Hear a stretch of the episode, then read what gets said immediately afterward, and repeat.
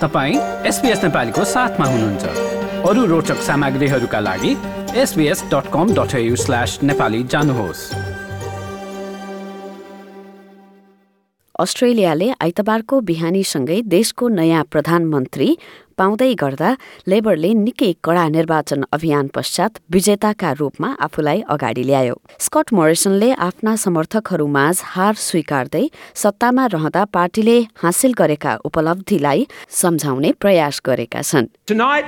It's a night of disappointment for Liberals and Nationals, but it's an also a time for coalition members and supporters all across the country to hold their heads high. We have been a strong government.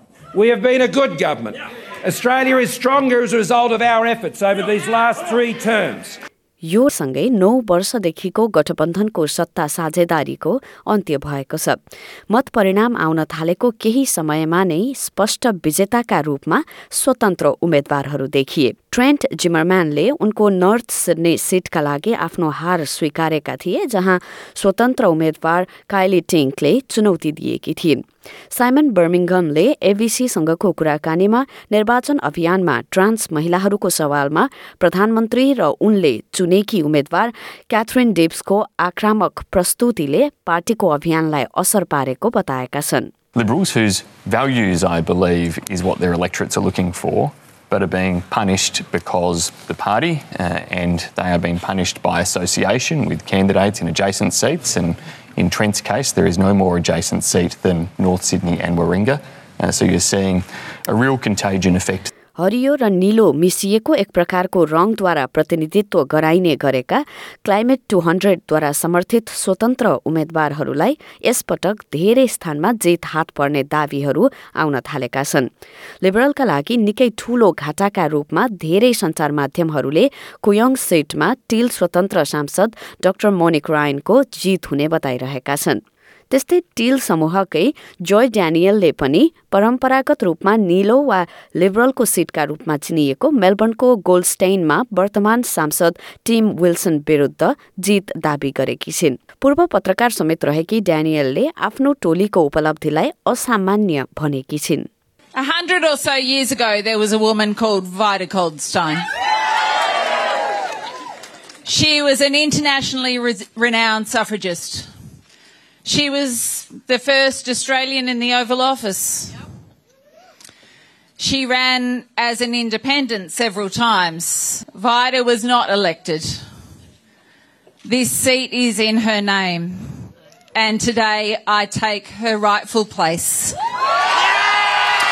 त्यस्तै अर्कै स्वतन्त्र उम्मेद्वार जाली struggle जसले Catherine डेप्सलाई चुनौती दिएकी छिन् एबीसीसँगको कुराकानीमा उनी भन्छन् प्रमुख पार्टीहरूले सर्वसाधारणलाई हल्का रूपमा लिनु हुँदैन भन्ने कुरा मत परिणामले देखाएको छ। Well,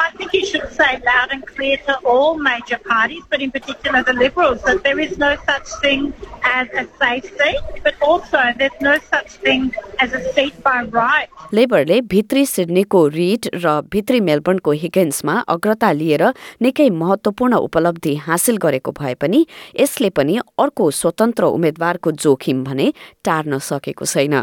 क्लाइमेट टू हन्ड्रेडमा आबद्ध नभएकी फेयरफिल्डकी उपमेयर र भियतनामी शरणार्थी डाई लीले फाउलर निर्वाचन क्षेत्रमा लेबरलाई टक्कर दिइराखेकी छिन्। पश्चिम सिडनीको फाउलर सिटमा क्रिस्टिना केनलीलाई अप्रत्याशित रूपमा उठाइएको थियो जब उनलाई न्यू साउथ वेल्सको जितको सम्भावना कम भएको सेनेट टिकट दिन लागि थियो। यो निकै विवादित निर्णय थियो जसले गर्दा स्थानीय वकिल टु लीको उम्मेदवारी परेन। यसले गर्दा बहुसांस्कृतिक समूहहरूद्वारा लेबरलाई बहुसांस्कृतिक र बहुभाषिक पृष्ठभूमिका उम्मेद्वारहरूलाई समर्थन गर्न दबाव पर्न थाल्यो। दबाव पर्न थाल्यो सो सिटका लागि डाइलीले झिनो अग्रता लिएको सन्दर्भमा क्रिस्टिना केनेलीले पार्टी उनको निर्वाचन क्षेत्रलाई लिएर आशावादी भएको बताएकी छिन् I know that we are here tonight to have a celebration. And yet, as we are here, gathered this evening, it's not entirely clear yet the result in Fowler. And I do want to congratulate Dai Lee and Courtney Nguyen on the campaigns that they ran. यो जस्तै अन्य प्रस्तुति सुन्न चाहनुहुन्छ Apple podcast Google podcast Spotify मा हामीलाई खोज्नुहोस् वा तपाईँले पोडकास्ट सुन्ने अन्य सेवामा